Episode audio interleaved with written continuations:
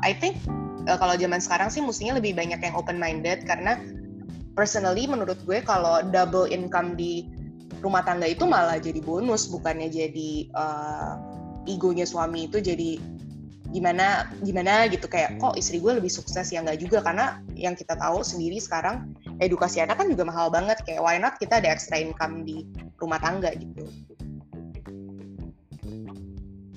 uh, mungkin teman-teman di sini kalau tahu startup wah enak banget ya dapet suntikan dananya banyak. Ya nggak juga. Justru dengan suntikan dana banyak banget itu kewajiban sebuah startup makin gede. Ibaratnya ya lo dipercaya dengan duit sebaik itu lo harus balikin lebih banyak lagi gitu. Bukan wah enak nih duitnya banyak bisa foya-foya nggak juga. Halo guys, welcome to podcast 430 podcastnya anak muda Indonesia. Hari ini gue kedatangan seseorang yang sangat inspirational.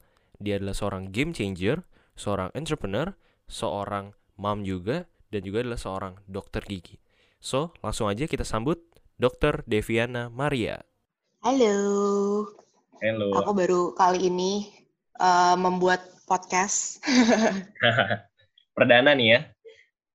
iya perdana jadi tuh kalau podcast gimana sih um, apakah hanya di satu media aja kayak Spotify atau bisa di semua social media gitu kalau podcast Kalau podcast itu jadi dia banyak sih platformnya ada Spotify, ada Apple Podcast, ada Google Podcast. Cuma memang kalau beberapa podcaster ya, mereka tuh Hmm? eh, banyak kan udah di ini sih kalau yang udah chartnya tinggi, mereka tuh kayak udah diafiliasiin gitu loh. Misalkan dia di lock sama Apple Podcast atau di lock sama Spotify Hmm. untuk kayak lo nggak boleh buka di tempat lain ya gitu. I see Mm-mm. Oke, interesting. Jadi hari ini kita mau ngobrolin apa nih? Iya. Nah hari ini sih eh, memang kita mau ngobrolin soal kesehatan, kecantikan, belajar juga dari hidup lo gitu ya sebagai apa ya karir woman yang seorang ibu juga gitu. Mungkin banyak kan teman-teman yang Mm-mm. audiens gue nih jadi lucu. Gue pikir awal gue bikin podcast tuh 70 30, 70 cowok, 30 cewek. Mm-mm. Nah, ternyata setelah dijalanin tuh 50-50 juga. Jadi banyak cewek, banyak cowok juga. Jadi sama kan. Nah, gue pikir kayaknya Imbang seru, juga ya. Ah, ah, seru nih kalau ada perspektif lo sebagai ibu gitu. Mm-mm. Mm-mm, pasti Iya kan kayaknya emang sekarang ibu-ibu tuh banyak banget yang main social media ya karena kan juga di rumah entertainmentnya mau apa lagi apalagi sekarang di rumah doang juga. bener. Nah, kayak asik nih buat teman-teman gue yang mungkin nanti gedenya mau jadi karir woman, mau jadi ibu juga, mungkin bisa dapat perspektif baru gitu. Ya semoga uh, hari ini sharingannya juga bermanfaat bagi yang dengerin podcastnya. Jadi kita bakal ngobrolin topik-topiknya lumayan seru ya, mulai dari um, kehidupan di rumah tangga, terus juga tentang bisnis juga. Mm-mm. Hopefully bisa dapat something. So, eh, mungkin buat yang belum tahu, mungkin lu boleh perkenalin diri dulu kali, Ci. Oke, mungkin uh, kenalin dulu, uh, aku dokter Deviana Maria. Jadi uh, aku adalah seorang dokter gigi, founder dari sebuah startup dental juga, uh, yaitu Rata. Mungkin teman-teman di sini kalau ada yang pernah dengar Rata ID. Dan uh, aku juga mom and also a wife gitu. Jadi um, juggling kehidupan praktek, kehidupan berkeluarga, dan juga di startup sendiri sebenarnya aku adalah founder dan CMO. Jadi CMO itu adalah Chief Marketing Officer gitu. Hmm.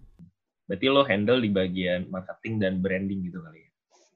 Yes, marketing and branding. Mungkin sekarang kalau cuma dilihat dari atasnya aja, surface-nya mungkin pada mikir marketing apa sih kayak oh paling cuma endorse-endorse aja. Sebenarnya nggak hanya endorse aja, tapi ada banyak data-data yang harus dipelajarin juga. Kayak digital marketing itu juga sangat penting, apalagi kalau punya bisnis yang mau dikembangkan kayak startup-startup gitu. Gimana sih caranya supaya kita ngeluarin modal untuk marketing itu tuh return of investment-nya positif gitu. Jadi emang banyak banget yang harus dipelajarin, apalagi sekarang kan banyak banget yang di rumah aja juga pengen bikin bisnis sendiri ya.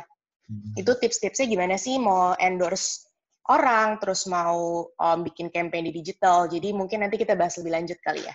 Hmm, menarik, menarik, menarik. Nanti kita bahas ya. Eh, Mm-mm. Nah, tapi sebelumnya nih, eh, boleh nggak lu ceritain awal perjalanan lu sampai, oke, kayaknya ini rata, boleh nih gue bikin deh sama Ko Edward ya waktu itu ya?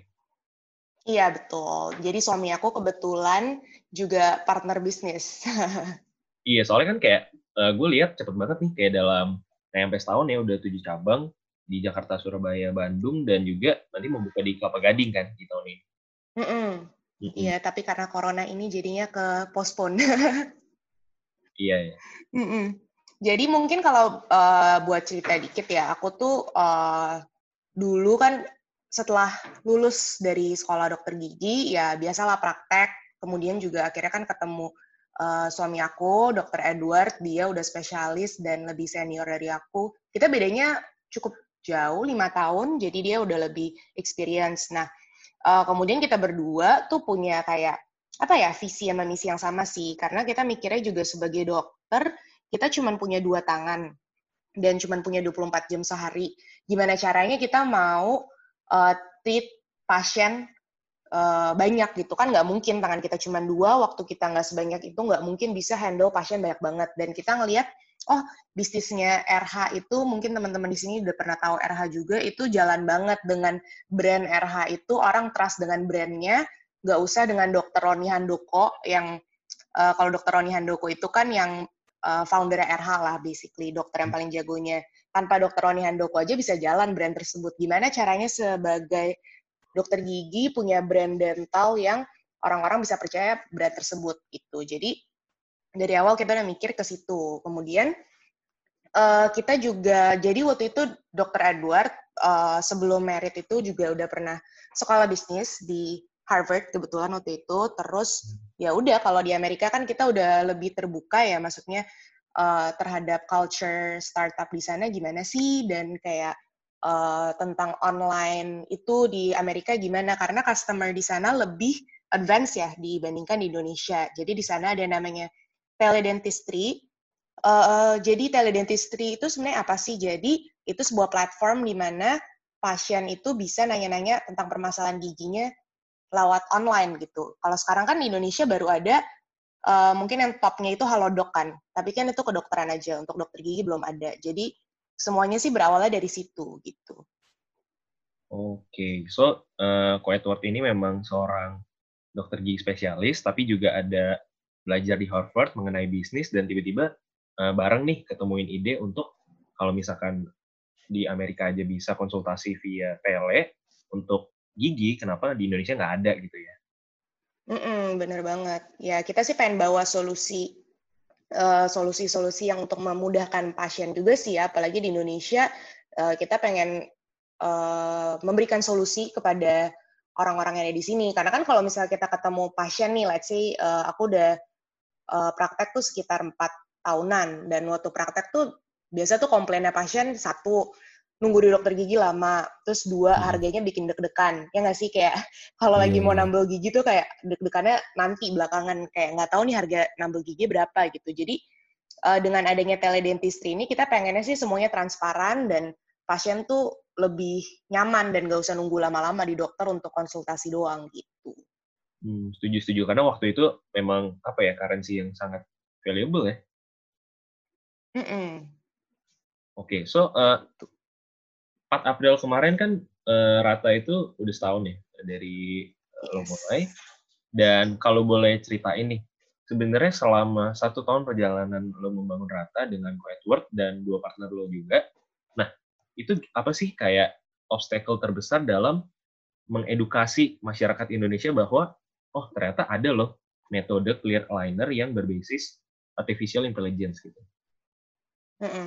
Jadi sebenarnya um, kalau misalnya dilihat tahun lalu, tahun lalu itu kita berempat, bahkan tahun lalu itu baru berdua doang uh, foundernya aku sama suami aku, dua partner kita belum on board.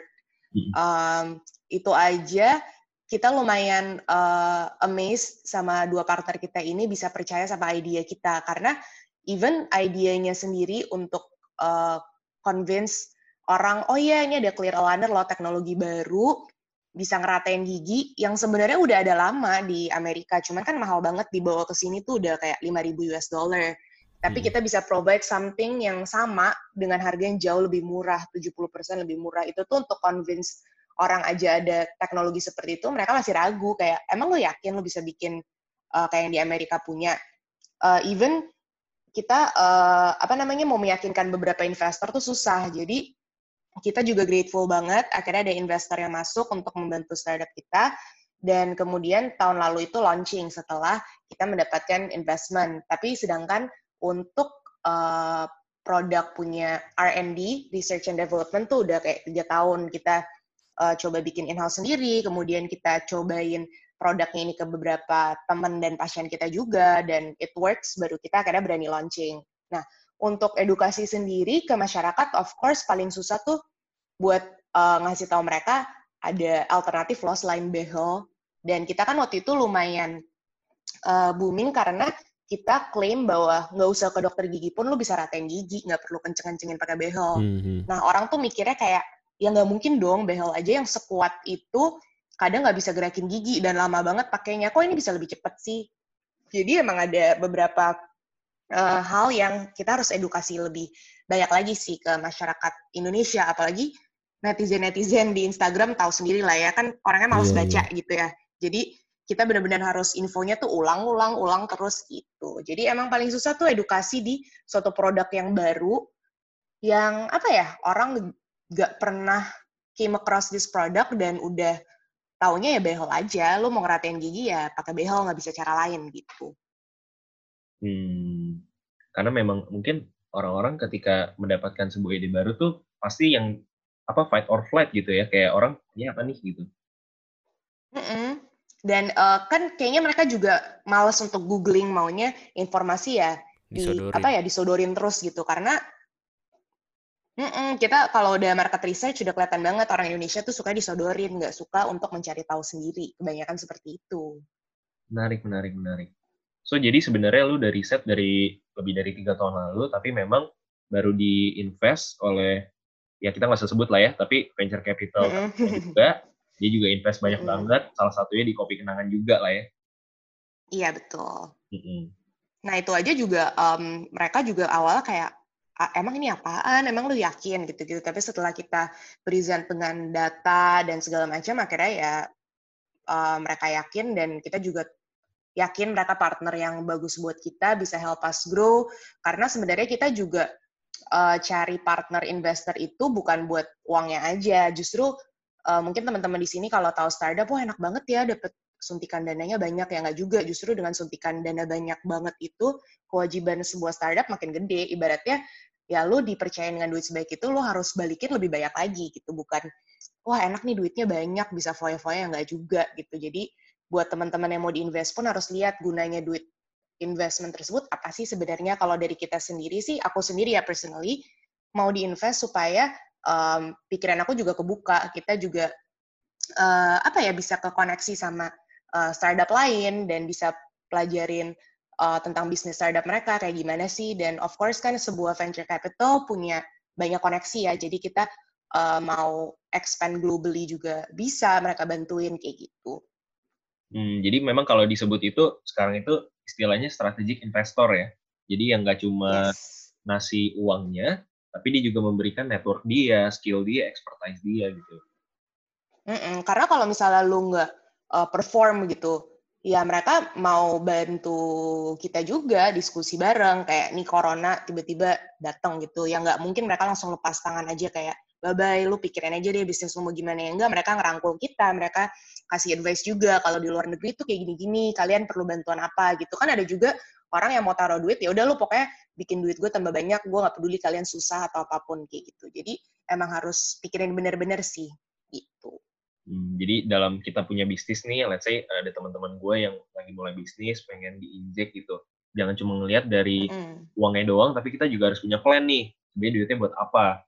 Karena dengan orang injek uh, mm. money ke company kita, tentu yang kita balikin nanti harus lebih besar gitu ya. Jadi harus di plan dengan sangat matang ya. Yes, betul. So, uh, gue pengen masuk ke pertanyaan yang lebih personal kali ya. Mm -mm gue lihat lo ini kayak orang yang care dengan kesehatan dan estetika gitu ya. Nah, kayak hmm. lu ada interest di mungkin di skincare, lu suka dengan apa merawat wajah lu, uh, merawat gigi lu, merawat badan lu, lu juga suka workout. Nah, do you see hmm. kayak these things itu as an investment for your future self atau gimana?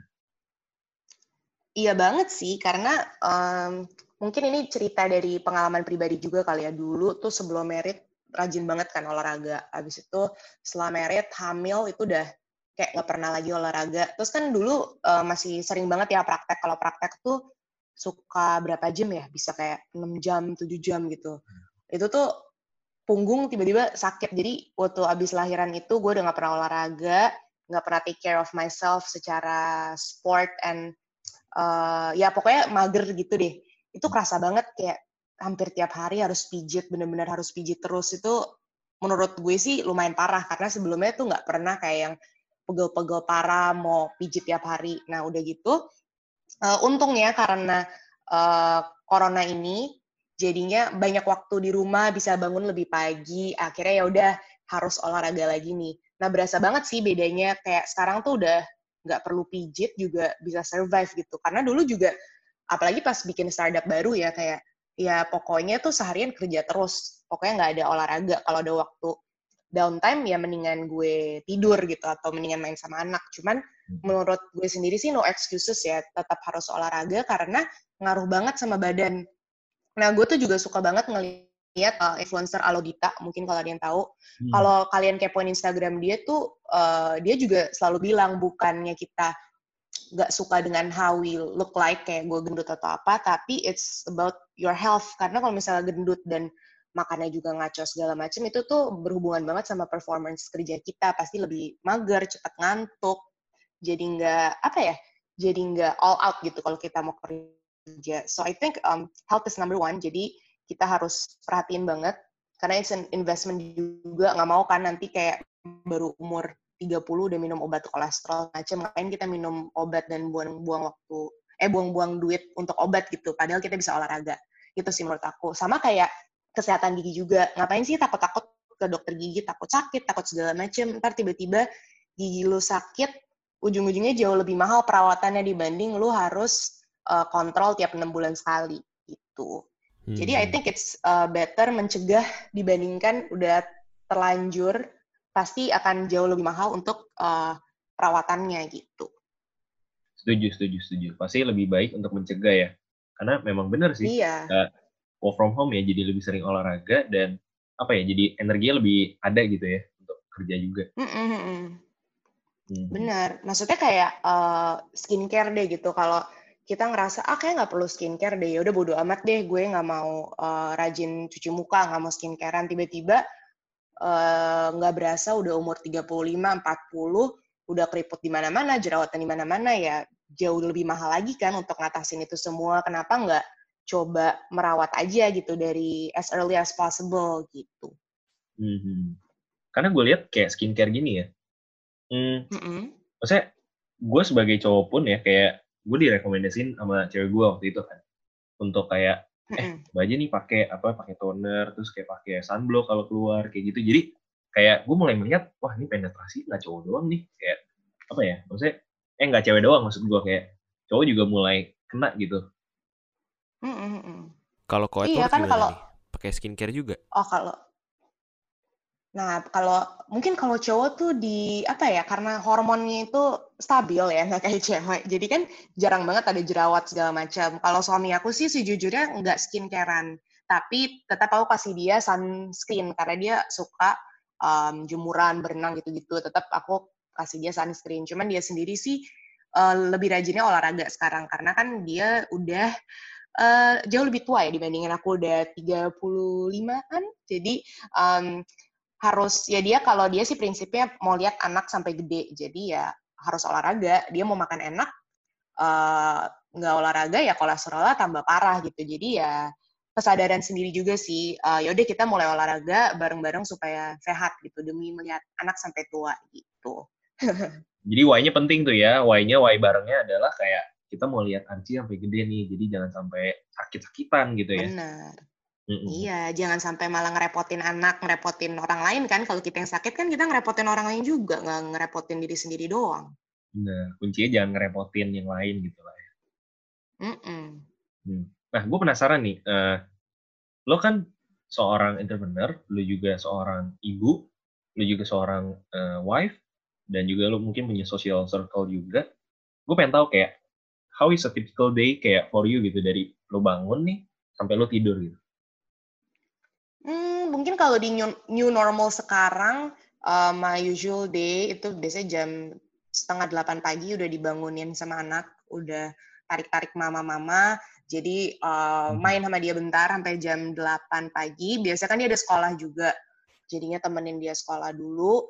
Terus um, setelah itu jam 8 sampai jam 9 olahraga, habis itu siap-siap kerja, jam 9.30 biasanya mulai kerja. Itu tuh udah meeting, terus kerjain kerjaan sampai lunchtime, jam setengah satu biasa lunchtime, makan bareng, sampai jam satu, terus kan anak tidur, aku mulai kerja lagi sampai jam 5, jam 6, uh, udah selesai dinner, abis itu sih nggak megang kerjaan lagi, jadi emang uh, di rumah aja tuh harus set waktunya benar juga sih, nggak boleh, apa ya, nggak boleh nyampur-nyampur tiba-tiba kayak, ya udah gue mulai kerjanya sore sampai subuh aja deh. Kayaknya kalau kayak gitu jadi nggak sehat juga, nggak balance kan waktunya. Jadi emang harus disiplin. Nah, tapi ya kalau misalnya ada kerjaannya banyak, ya mau nggak mau lembur. Tapi biasa lemburnya ya selesai anak tidur lah gitu. Uh, tapi kalau social life sih sekarang karena di rumah aja ya palingan WhatsApp, Zoom gitu ya udah beda banget ya sekarang new normal kayaknya karena nggak hmm. bisa hangout. Cuman aku sendiri sih sekarang juga lagi ngurangin praktek dulu karena di Rata juga banyak banget yang harus dibenerin dari segi marketing, customer experience. Jadi yang praktek itu adalah tim dokter aku, karena kan tim dokter kita juga udah lumayan rame, ada 25 orang. Uh, jadi aku kalau praktek pun juga by appointment sih, kalau emang pasien-pasien aku yang perlu dan maunya sama aku, ya baru praktek gitu. Kayak Sabtu lalu itu sempat pergi praktek, uh, siang-siang juga, enakan siang, kenapa? Soal anaknya lagi tidur, jadi nggak ribut nyariin mamanya. Iya, iya. Foto praktek itu juga ngerasa sekarang beda banget karena kan kita pakai APD. Wah, itu sih super pengap itu keringetnya udah kayak hot yoga. Jadi uh, nggak kebayang sih. Kenapa? Ya sama Raffi ya. Iya, jadi itu tuh wah gila aku uh, eh, gue nggak kebayang sih jadi dokter di rumah sakit yang ngurusin uh, orang-orang yang corona gitu wah gila sih APD-nya itu bener-bener panasnya super panas. Aku aja selesai praktek tuh keringetnya langsung banyak banget. Jadi sebagai dokter gigi di new normal juga salut banget sih sama teman-teman yang masih praktek itu uh, ya super salut lah. Karena banget ya pakai itu semua ya layer-layer kan. Mm-mm, layer-layer semua. Karena kan dokter gigi juga sebenarnya exposure-nya gede banget. Karena kita kan uh, ngurusin gigi orang ya, droplets kan juga dari mulut. Kalau kita lagi bersihin gigi kalian, nambel gigi kalian, itu tuh airnya kan ke mana-mana. Jadi uh, partikel-partikel kecilnya itu nyemprotnya ke muka kita semua. Jadinya kita harus pakai benar-benar berlapis-lapis gitu. Setuju sih. Soalnya kan, maksudnya orang nggak gitu kan bahaya banget ya kalau Mm-mm. Benar-benar. Makanya aku juga mikir ini waktunya uh, Rata masuk juga di teledentistry. Karena coba lu bayangin deh, mau konsultasi ke dokter. Pas datang dokternya pakai berlapis-lapis, maskernya juga tebel, ngobrol juga nggak enak kan. Sebenarnya enakan video call, ngobrol aja jelas. Toh kita juga sebagai dokter data-datanya bisa didapetin juga lewat video call. Cukup foto gigi kamu, terus kita ngobrol-ngobrol kayak gitu menurut aku lebih enak sih dan kita bisa langsung kasih tahu juga kira-kira harga perawatannya segini terus nanti kalau kamu datang uh, stepnya gini gini gini yang dirawat ABCDE gitu jadi pas kamu datang ke dokter gigi ya udah langsung duduk langsung di treatment kalau menurut aku sih sekarang lebih enak kayak gitu jadi mempersingkat waktu apa ya ngobrol-ngobrol di uh, kliniknya karena kan balik lagi sekarang kita new normal nggak bisa kayak dulu lagi yang kita bisa ngobrol santai-santai sama dokter karena dokternya sendiri pakai APD tuh tebel banget dan super panas gitu. Bener bener bener. Karena gue juga pakai kawat kan dan mm. gue belum tahu soal rata lah. Nah sekarang ini karena mm. corona ini dokter gue bilang kayak tar dulu deh kontrolnya ya. Waktu itu terakhir kali gue kontrol tuh agak terpaksa karena ada ada yang lepas nih si apa namanya mm -hmm. tuh kayak gitu. Bracketnya ya. Nah mm -hmm. pas gue datang bener tuh, wih gila dia bener-bener pakai masker tuh sampai tiga lapis semua pakai ginian juga yang putih wah kayak bener-bener mm-hmm. ini banget deh standar banget kan jadi memang mm-hmm. ya gue setuju sih maksudnya rata ini bener-bener game changer sih di industri gitu ya mm-hmm. amin amin nah tapi uh, as a mom ya kayak yeah. berapa beda sih kehidupan pribadi dan mungkin kehidupan kerja lo ya kayak before and after punya Archie gitu punya anak Hmm, sebenarnya sih nggak gitu beda ya karena dulu waktu hamil pun juga masih tetap praktek. Uh, Bener-bener tuh seminggu sebelum lahiran masih kerja juga. Jadi nggak um, terlalu beda sih karena kan gue tipe orangnya nggak bisa diem doang di rumah kayak nggak ada kerjaan tuh uh, malah nggak seru. Tapi dengan anak sendiri tuh anak juga seru karena uh, at least I have something to learn again. Harus uh, yang ngajarin dia segala macam. It's something new and exciting juga. Jadi uh, kayaknya nggak terlalu banyak beda. Paling bedanya itu ya tanggung jawabnya jadi lebih gede lagi. Kalau dulu kan kayak ya udahlah bodo amat gue pergi kerja.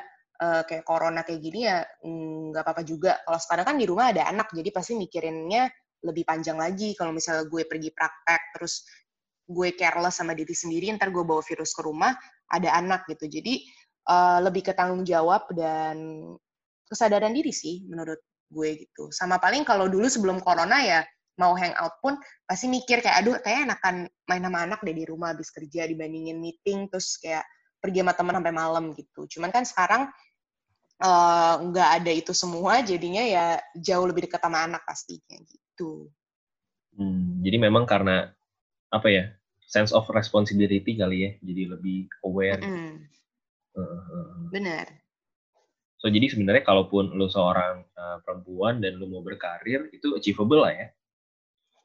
Iyalah achievable. At least uh, di rumah tuh juga eh, orang-orang support juga gitu. Karena kan uh, di rumah aku juga punya nanny ya dan environment kita juga supportive banget uh, untuk gue kerja. Tapi kan bisa aja ada yang merit dan husbandnya bilang ya udah lo nggak usah terlalu kerja banget lah. I want you to raise the kid gitu ya it's okay juga karena menurut gue pribadi raising a kid itu juga susah banget kayak you're raising a human basically jadi nggak segampang itu juga uh, I think uh, kalau zaman sekarang sih mestinya lebih banyak yang open minded karena personally menurut gue kalau double income di rumah tangga itu malah jadi bonus bukannya jadi uh, egonya suami itu jadi gimana gimana gitu kayak kok istri gue lebih sukses ya? Nggak juga karena yang kita tahu sendiri sekarang edukasi anak kan juga mahal banget kayak why not kita ada extra income di rumah tangga? Gitu. Kalau menurut lo sendiri gimana? Lo kan juga seorang laki-laki.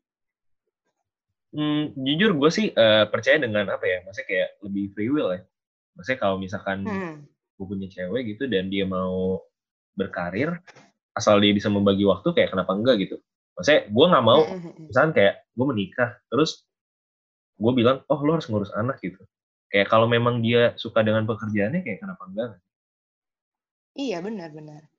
Hmm. Dan ya benar balik lagi kalau uh, menurut gue sendiri ya double income itu bagus apalagi kondisi sekarang you'll never know kan maksudnya ya amit-amit gitu suaminya tiba-tiba um, dirumahkan atau gimana nggak ada yang pernah tahu jadi zaman sekarang mah udah bukan uh, apa ya udah biasa banget lah untuk double income dan istri kerja ya. Yang paling benar itu harus pinter-pinter bagi waktu aja. Kalau bisa bisa work from home ya lebih bagus lagi kan sebagai seorang ibu gitu sebenarnya.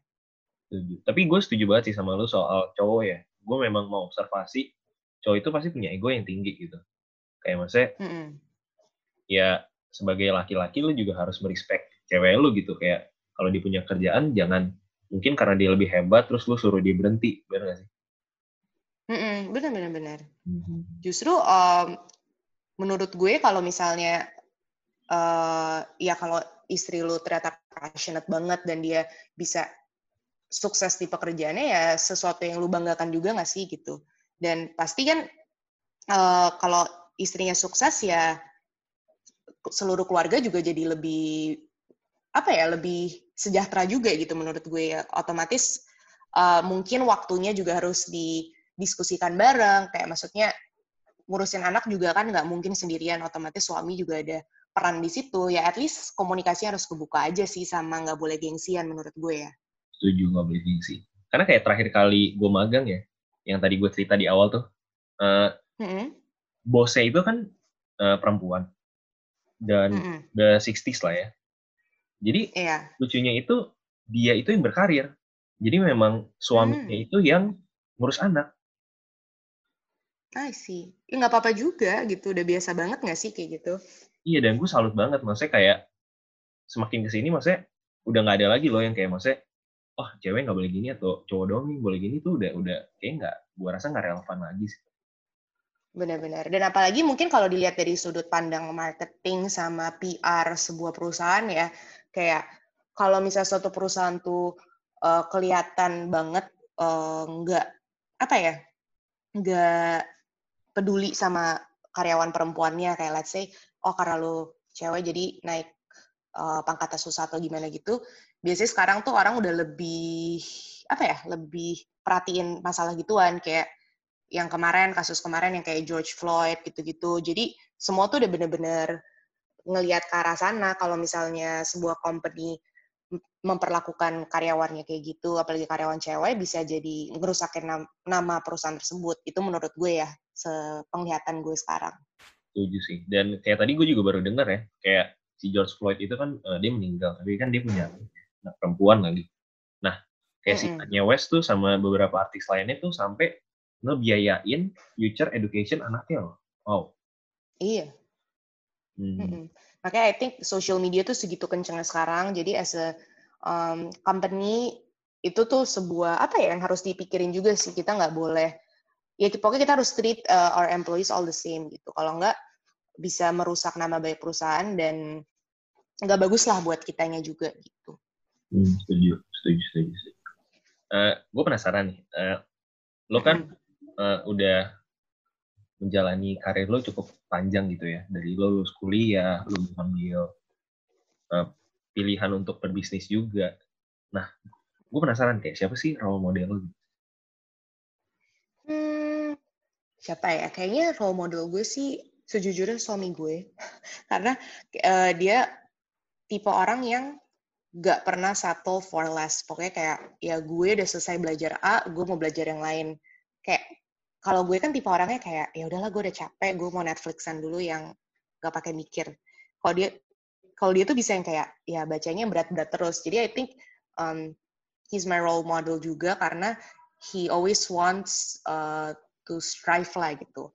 Dan of course um, selain dia yang uh, orang di keseharian gue uh, gue juga suka banget sama Emily Wise.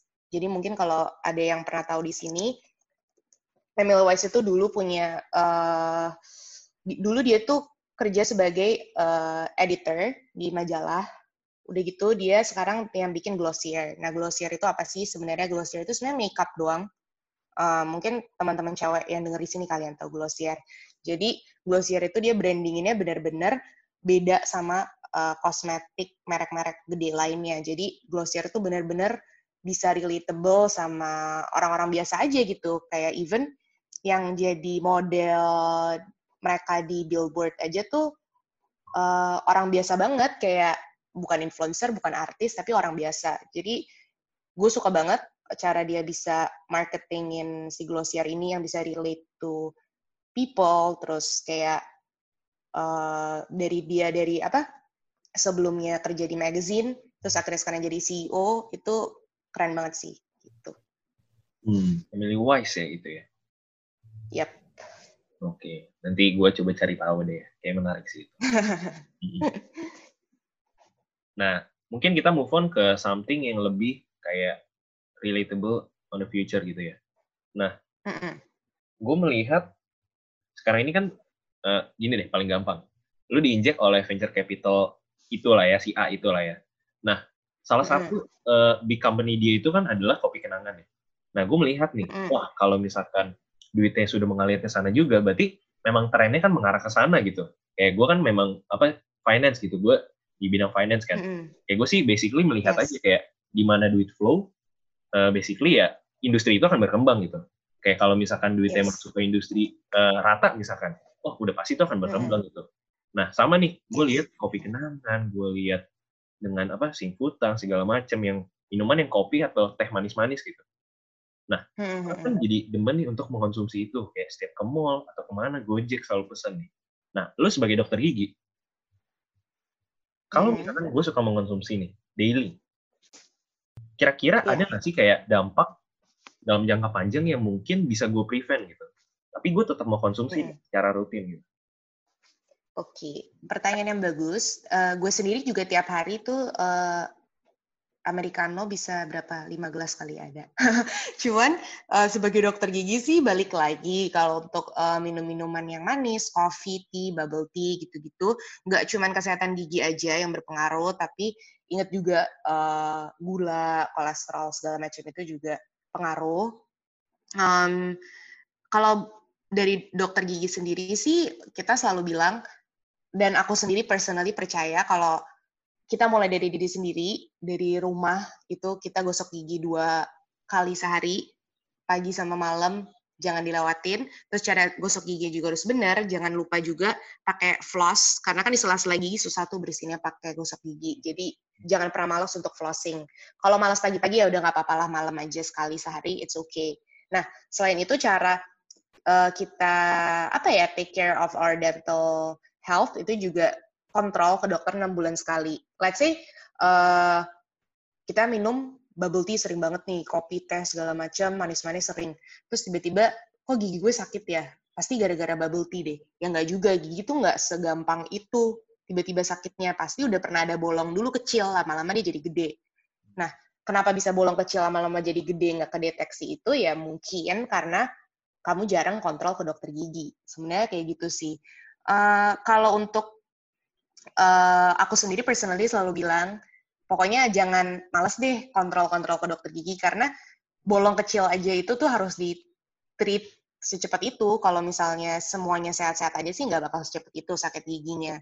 Palingan kalau misalnya minum kopi, teh tiap hari itu ya ngaruh ke warna gigi. Cuman sebenarnya warna gigi itu kalau kita sebagai orang Asia nggak bakal bisa seputih yang kayak bule uh, ataupun Western yang lain gitu. Pasti ada kuning-kuningnya dikit. Cuman salah satu cara tips untuk giginya nggak cepat itu kuningnya ya habis minum kopi, kumur-kumur pakai air putih kayak gitu sih.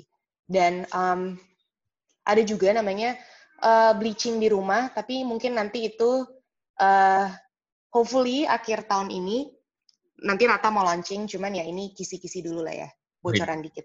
Jadi ini eksklusif nih ya, pertama di seluruh media. bocoran dikit. bocoran dikit deh ya. Karena lu juga sebenarnya yeah. ada satu lagi kan ya, yang pure.id itu ya. Itu yang veneer bukan sih? Iya. Yeah. Mm -mm, jadi Pure itu sebenarnya uh, klinik kita sebelum kita launching rata, cuman Pure itu lebih ke uh, apa ya? Lebih ke yang personalized dan benar-benar veneer, terus implant. Jadi benar-benar treatment yang uh, I would say medium up lah gitu. Dan price range-nya agak mahal karena uh, suami aku kan juga udah spesialis gitu. Jadi emang beberapa pasien yang maunya sama aku atau suami aku ya uh, kita handle pasien tersebut gitu. Uh, ibaratnya kalau gimana ya, kalau ke salon gitu, kayak ke salon Irwan Tim, mau potong rambut sama Irwan Timnya ya jauh lebih mahal, karena kan dia yang punya salon, waktunya dia pasti lebih mahal dan lebih jago juga lah ibaratnya kayak gitu. Jadi um, sama kayak kita juga, tim dokter kita banyak, dan uh, spesialis mereka juga beda-beda. Ada yang jagonya dicabut gigi, nambel, dan aku sendiri juga percaya mendingan ya udah kalau gue passionnya di estetik ya gue akan pelajarin estetik aja. Kalau misalnya uh, lu datang nih ke gue, uh, dok gue mau cabut gigi yang paling belakang dong, gue pasti akan suruh lu ke tim dokter gue emang jago cabut gigi karena gue sendiri personally nggak suka cabut gigi, jadi uh, gue nggak akan terima kasus cabut gigi, tapi gue akan pegang kasus yang estetik.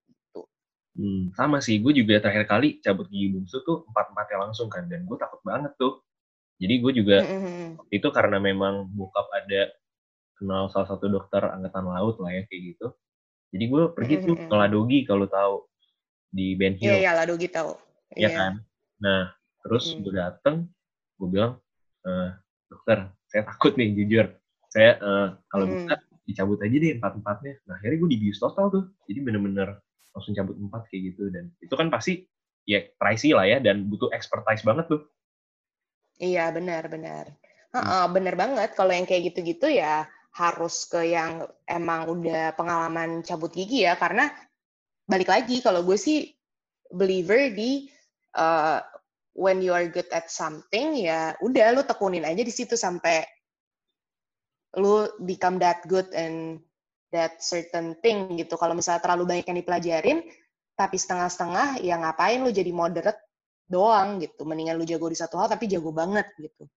Setuju banget. Karena gue ngeliat juga, uh, lu kan membuat bisnis model yang gue provide kayak something untuk uh, yang middle juga, tapi gue juga ada yang higher classnya nih. Dan itu tuh something yeah, yang gue lihat trendy sekarang juga sih. Jadi kayak company itu mulai mendiversifikasi lini bisnisnya gitu. Kayak misalkan uh, kemarin ya, uh, mungkin lu relate nggak ya? Lu tau Panji Pragiwaksono? Uh, siapa? Kayak komedian gitu sih. Nggak, nggak, nggak, nggak, nggak ini. Kayaknya pernah dengar deh. Kayaknya kemarin pernah dengar deh. Kenapa Jadi kayak, tuh? dia dia ngelihat sebuah tren di mana kayak sekarang ini orang tuh pertama maunya yang gratis dulu. Makanya orang lihat sosmed mm -hmm. kan. Lihat YouTube, lihat IG, lihat konten lo gitu kayak pokoknya gratis nih, ilmu-ilmu gratis, kayak uh, edukasi gratis. Tapi ada some extent orang-orang yang willingness untuk kayak pay lo something, tapi kayak di range-nya middle nih. Mungkin dia kayak bayar lo beberapa juta lah kayak gitu. Tapi dia bilang, ada juga fans atau misalnya orang yang percaya banget sama lo. Dan mereka tuh willing to pay sampai even 100 million lebih gitu. Nah jadi kayak gue gue tertarik banget sih dengan apa pemikiran lo gitu kayak ya udah walaupun gue ada rata gue tetap menjaga lini bisnis gue yang memang untuk lebih ke middle up gitu lah Iya benar kayak temen gue sendiri uh, mungkin pernah tahu juga Joska kan sering hmm. bahas juga sama Mas Akar. Jadi Joska yeah. itu kan sebenarnya platform gratis di mana kalau kalian rajin baca postingannya itu pasti akan mendapatkan ilmu lah dari situ ilmu finance. Tapi yeah. Mas Akarnya sendiri founder Joska juga handle uh, financial planning untuk individual-individual juga, tapi of course dengan extra cost ya. Uh, karena kan waktunya Mas Akar sendiri juga limited gitu dan ilmu yang dia punya tuh ilmu finance yang benar-benar bagus. Jadi kalau mau jadi klien dia ya of course harus bayar, nggak bisa gratis. Kalau gratis ya baca Joska aja. Cuman uh, dari situ juga tuh uh, gue benar-benar inspired juga sama dia. Kayak ya udah you have to set yourself uh, the worth of your time and energi juga. Dari situ baru lu bisa ngecharge orang untuk waktu lu sama expertise lu kayak gitu. Hmm, setuju banget. Gue setuju sih memang uh, Mas Akra tuh juga salah satu yang keren banget lah ya di industri finance. Mm -mm. Oke, okay. uh, eh, selanjutnya gue mau nanya nih, kayak tadi kan gue sempat cerita kalau gue tuh pakai kawat, ya kan? Lu bisa lihat nih kayak gue pakai kawat kan. Nah, iya.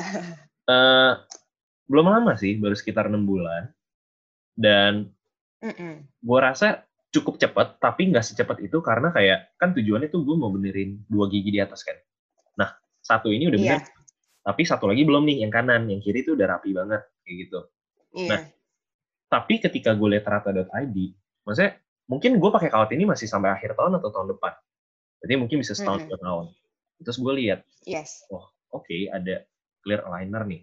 Dan maksudnya di advertisingnya gue lihat kayak bahkan nggak nyampe setahun gitu. Untuk bahkan gue kan tempat isi juga tuh di websitenya kayak case gigi gue giginya kayak gimana segala macam dan gue yakin bahwa gigi gue itu mungkin nggak sampai setahun udah beres terus nggak nyangkut juga kayak terus nggak kelihatan jadi orang kayak maksudnya nggak bisa lihat kayak lo lagi pakai kawat nah jujur ya iya. gue sebagai konsumen nih gue tanya ke dokter gue dok saya ngelihat ada inovasi nih gue ngomong ke dokter gue kayak gini kayak sekarang hmm. gue lihat ada clear aligner. Harga lebih murah. Dan maksudnya kayak, gue bilang, bisnis lu bakal relevan gak sih? Kayak, maksudnya, udah ada inovasi nih. Lu gimana nanggepinnya hmm. gitu? Nah, jadi gue ngeliat dong, hmm. wah, ini game changer banget nih. Kayak, lu melihat diri yes. lu gimana sih di industri ini? Apakah kayak kawat tradisional kayak gue ini bakal nggak relevan atau gimana? Hmm. hmm, hmm. Nah, uh, kalau dari gue sendiri, dari segi dokter ya. Paling uh, gue cerita sedikit dulu kenapa pakai kawat tuh bisa lebih lama karena ya tadi kan lu ceritain juga di awal lu mau kontrol pun juga nggak bisa kan sekarang maksudnya kalau tanpa dikencingin kawatnya tuh giginya nggak akan gerak. Nah bedanya dengan liner rata itu kita akan ngasih kalian tuh uh, liner setnya udah ada semua jadi tinggal seminggu sekali diganti di rumah aja nggak perlu datang-datang kenceng-kencengin that's why kita punya bisa lebih cepat karena kalau disiplin sendiri ganti sendiri di rumah ya akan gerak giginya. Sedangkan kalau misalnya behel itu, kalau dokternya nggak kencengin ya nggak akan gerak. Tapi balik lagi juga ya, ada orang yang uh, males, nggak komitmen, nggak dipakai-pakai tuh si linernya yang nggak bakal gerak juga giginya. Paling itu satu perbedaannya. Nah, terus yang ke tadi balik lagi ke pertanyaannya itu, relevan lagi nggak sih nanti uh, behel? Ya, pasti masih ada aja yang akan mau pakai behel karena satu kalau lepas pasang kayak si aligner rata, kadang ada orangnya males uh, dilepas pasang. Jadi udahlah, gue pakai behel aja, udah nempel di mulut, gue nggak bisa lepasin anyways kan. Uh, dan juga ada beberapa kasus yang emang susah banget mau nggak mau harus pakai behel. Cuman kalau dari gue sendiri sih ngelihatnya pasti anak muda zaman sekarang lebih ke arah aligner. Kenapa? Karena kan banyak yang kuliahnya di luar kota, di luar negeri, itu susah banget mau kontrol sama dokter siapa nanti gue di luar negeri, di luar kota gitu. Apalagi kalau traveling, terus stuck, apalagi kayak corona sekarang, mau keluar-keluar itu susah. Ya, sebenarnya sih enakan pakai aligner ya untuk uh, lepas pasangnya. Dan untuk dokter gigi sendiri itu juga uh, tetap perannya dokter gigi pasti penting banget karena untuk treatment planningnya kayak plan gigi lu mau dikira-kira kayak gimana sih dan uh, untuk monitor perkembangannya gigi itu masih tetap perlu dokter gigi. Cuman enaknya dengan teknologi kayak gini dokter gigi tuh nggak perlu uh, apa ya sering-sering ketemu pasien karena dengan aligner kan lu nggak perlu datang kencengin si behel kan. Cuman ya paling kalau lu ada kayak dok kok nggak muat ya atau misalnya ada yang uh, sakit segala macam baru uh, kita kontrol gitu. Cuman kebanyakan pasti lewat online juga. Uh, dan kita kebetulan lagi mau bikin app juga untuk memudahkan komunikasinya. So I think in the future bakal uh, ke arah sini semua, di mana dokter gigi akan lebih apa ya, lebih jarang memilih perawatan behel sih, karena dengan corona ini pasti semuanya harus adaptasi dong, nggak hmm. bisa sering-sering ketemu apa ya ketemu orang, maksudnya jaga jarak segala macam. So I think it will be an interesting change sih menurut aku personally. Hmm. So malah kalau orang uh, melihat COVID itu sebagai sebuah ancaman, lo malah melihat ini sebagai peluang gitu ya? Iya, malah uh, ya kita mau nggak mau harus think of the bright side juga, nggak boleh mikir kayak ini penghalang bisnis gue, nggak bisa gitu. Kitanya harus adapt terhadap situasinya juga. Karena kalau misalnya lihat teman-teman yang lain kayak di bidang uh, estetik bukan dokter gigi ya kayak uh, botox terus facial segala macam ya pasti mereka harus mikir juga dong gimana caranya gue bisa uh, botox pasien gue without kayak sering-sering ketemu yang gitu-gitu loh. Jadi uh, lumayan interesting sih kayak laser muka gitu di Korea sendiri udah bikin laser mesin lasernya itu yang portable bisa pakai di rumah jadi uh, pasti bakal perlu inovasi supaya kita bisa survive sih di kondisi seperti ini gitu. Hmm, setuju, setuju, setuju. Nah, ada satu pertanyaan dari audiens gue juga. Dia nanya nih kayak Mas, hmm. kalau dia dia dia mau pakai clear aligner nih, dia bilang. Tapi dia cuma mau mastiin hmm. satu kali nih. Semoga dia beneran pakai yes. gitu ya. Nah, dia bilang, hmm. gue nih agak kolot gitu, dia bilang. Uh, kira-kira ada nggak sih efek samping gitu? Mungkin ke saraf atau gimana kalau lu pakai clear aligner gitu? Oke, mau dibilang efek samping sih pastinya nggak ada ya karena ibaratnya gini kalau lu mau ratain gigi pakai behel, uh, anggap lu pakai behel nggak di dokter gigi deh di tukang gigi gitu misalnya ngasal cari yang murah, itu kan ditempel di gigi. Gimana caranya lu, lu lepasin di rumah? Susah banget kan? Kayak semua udah ditempel gigi. Kalau clear liner itu kan nggak ditempel sama sekali, cuma dipakai aja kayak retainer mau tidur gitu. Ya kalau berasa sakit atau gimana-gimana ya tinggal dilepas doang jadi um, kalau misalnya ada yang nanya kayak bahaya atau enggak sih uh, segala macam, kalau misalnya ngerasa bahaya pun kamu bisa lepas sendiri di rumah. Beda sama behel yang udah ditempel di gigi, gimana cara mau lepasin di rumah itu setengah mati banget kan. Itu satu. Yang kedua, uh, efek samping ya nggak ada sih, karena pakai behel pun ngeratain gigi nggak ada efek samping juga. Kalau misalnya ngerasa, aduh kok sakit ya, terus um, giginya berasa ketarik segala macam ya normal. Kalau gigi gerak itu otomatis ada rasa sakit juga. Mungkin lu juga ngerasain lah ya kalau bisa kencengin kawatnya wah itu kenceng banget kan. Tapi lama-lama sekarang belum kontrol berasa kenceng nggak? Atau udah biasa aja udah biasa aja biasa cuma dua tiga hari pertama tuh makan bubur makan yang encer habis itu udah biasa aja Iya, benar-benar. Jadi kalau behel itu kan uh, karena datangnya paling sebulan dua kali, jadi dikencenginnya tuh bisa ya untuk sebulan itulah ibaratnya kayak gue kencengin behel lu supaya untuk sebulan nih, sebulan gigi gerak. Kalau liner sendiri kan setiap seminggu digantinya, jadi seperempat lah rasa sakitnya. Jadi mau dibilangin ada efek samping sih nggak ada ya, karena uh, gue selalu cerita ke pasien tuh yang bisa relatable. Gue bilangnya kayak ini samping yang bisa lu lepas, kalau lu berasa itu bahaya ya lepas aja plastiknya di mulut gitu. Hmm, hmm, hmm. Keren sih, keren, keren. So sebenarnya ya behal aja nggak ada efek samping ya sebenarnya clear aligner juga nggak ada. Tapi kalau lo merasa sakit ya itu wajar karena gigi lo gerak kan. Jadi pasti ada ngilu dikit lah ya. Iya, karena kan emang ya ibaratnya gigi itu dipegang sama tulang ya kalau giginya gerak terus kenceng gitu berasa kenceng agak sakit ya itu normal banget. Justru pasien-pasien gue tuh banyak yang rasanya kayak kok kayaknya nggak sakit ya? Kalau nggak sakit berarti nggak gerak gitu. Jadi mereka malah maunya yang sakit gitu. Gue kayak oh oke okay, oke. Okay. jadi malah maunya sakit biar kelihatan gerak gitu ya? Kalau enggak kan ya udah. Hmm. iya. Tapi surprisingly ada juga yang kayak enggak nggak sakit sama sekali. Terus tiba-tiba udah uh, selesai pakai liner dan gue juga seneng banget sih kalau ngeliat kayak uh, ada yang ngirim foto before after tuh beda banget kayak rasanya wah kayak seneng juga gitu kayak pasiennya seneng kitanya juga seneng Hmm, pasti sih pasti. Nah ini juga ada pertanyaan dari audiens lo juga. Uh, gimana sih tips marketing online selain rajin update? Karena rajin update aja sekarang juga nggak gitu ngaruh. Karena mungkin semua orang juga rajin update gitu di COVID ini semua orang update terus gimana lo stand out gitu? Benar, benar, benar. Nah, uh, kalau kita ngelihat sendiri juga sekarang kan banyak banget tuh yang suka apa sih ngirim makanan terus minta tolong di post itu kayaknya banyak banget yang hmm. lagi ngebahas gitu ya yang soal endorsement kayak uh, manner untuk minta endorsement. Jadi menurut gue sendiri sih satu harus tahu bisnis lu itu stand outnya apa sih kayak let's say semua orang jual mentai, gue suka banget ngeliat semua orang tuh jualnya mentai, mentai semua. Tapi apa yang bisa bikin lu stand out dari mentai-mentai yang lain?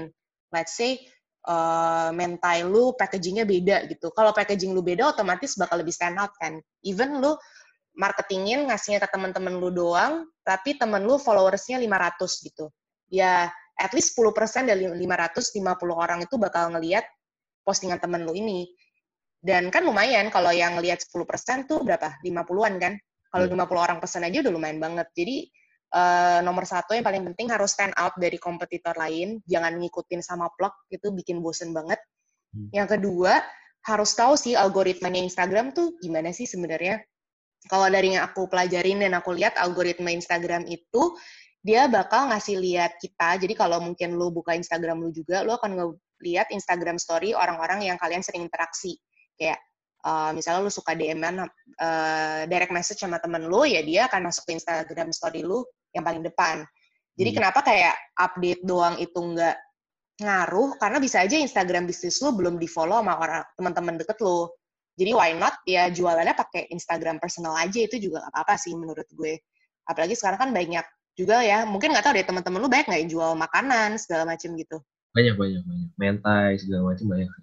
Kayaknya kalau jual makanan gitu sih uh, untuk mereduce marketing cost ya nggak apa-apa pakai Instagram personal kalian. Dan kalau misalnya nggak ada modal pun juga nggak usah endorse ke influencer gitu-gitu. Mulai dari teman kalian aja. Let's say kayak teman kalian followernya 1000 2000 nah kalau algoritma Instagram tuh bakal ngasih lihat Instagram story temen lo yang 2000 itu ke 10% followernya which is 200 dan paling di 200 kalau 10 persennya pesan aja kayak 20 orang lumayan banget kan?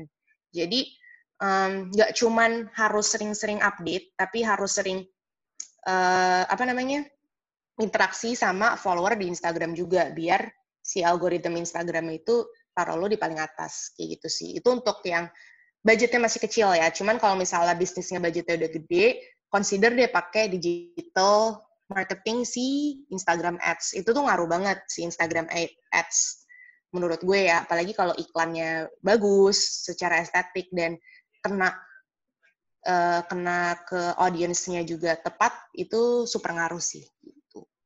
Karena memang kayak Instagram itu sengaja menurunkan organic views-nya biar orang pakai ads gitu kali ya.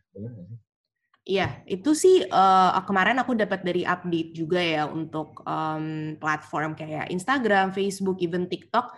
Ya mereka mau dapat duit juga kan. Sebenarnya cara mereka dapat duit ya dari sponsored ads juga. Jadi algoritma Instagram itu uh, mereka akan kasih kalian uh, ads Instagram Story itu kayak empat kali tap atau lima kali tap pasti ada ads, ads, ads gitu. Nah ads itu tuh bisa masuk ke kalian. Kenapa sih? Let's say kalau gue sukanya browsing soal skincare, soal health, soal gigi, itu tuh ketrack semua dari sistem mereka. Jadi kita, mereka akan kasih kita ads soal kayak gituan. Jadi kalau kalian misalnya jualnya skincare atau kosmetik ya kalian target orang-orang yang kayak gue yang interestnya di health, beauty sama lifestyle kayak gitu. Jadi itu malah memudahkan entrepreneur sama business owner sih untuk uh, ngiklan ya kalau menurut gue sekarang. Hmm, jadi itu sebenarnya sangat membantu lah ya. Dan kalau ada teman-teman yang punya bisnis boleh dicoba gitu ya. Karena bisa budget juga kan tadi. Iya, budgetnya nggak usah terlalu tinggi juga. Kalau kita kan dulu belum ada platform kayak ginian, kalau ngiklan harus di majalah, di um, billboard itu kan kayak super mahal kan TV. Cuman sekarang malah majalah TV gitu udah nggak terlalu kencang juga untuk ads. Jadi lebih mendingan duitnya kita masukin ke Instagram ads sih gitu. Tapi kalau bisnisnya masih kecil-kecil aja, mulai dari temen dulu aja yang followernya tadi gue bilang kayak follower 5 ribu, 8 ribu, itu ya kasih aja sampel makanan kalian gratis. Karena kalau emang produknya bagus, pasti mereka akan post dan orang akan coba beli gitu sih. Hmm, jadi intinya coba bikin produk lu stand out dan jangan takut untuk kayak mempromosikan bisnis lo gitu ya. Benar-benar. Kok gigi lo tiba-tiba rapi sih? Emang lu pakai behel ya? Nah, kalau lu mau denger tipikal respon kayak gini, coba aja lu kepoin deh IG atau websitenya rata.id. Nah, nanti lo bisa konsul online secara gratis untuk tahu treatment yang lo butuhkan untuk case gigi lo secara personal. Nah, kalau lo dapat manfaat juga dari obrolan hari ini, lo juga boleh post di instastory kalian, dan jangan lupa tag juga at uh, Deviana Maria, dan juga boleh tag gue di at Jonathan Marcelius. Nah, nanti uh, lo juga boleh follow podcast gue di Spotify, atau rate bintang 5 kalau lo dengerin di Apple Podcast. So, Cidev, thanks for your time. Hope uh, you, Ko Edward, Archie, always in a good condition, healthy condition. Dan thank you juga buat yang dengerin. Dan ditunggu ya, uh, launching di Kelapa Gading ya. Di iya, thank you ya. Ya, semoga coronanya cepat kelar supaya bisa main ke Kelapa Gading juga. Oke deh. Jauh ya, lu dari Menteng. ya lumayan, cuman um, masih oke okay lah ke Kelapa Gading. Kan banyak makanan enak jadi uh, it's okay. Suruh jauh-jauh ke Kelapa Gading mau kok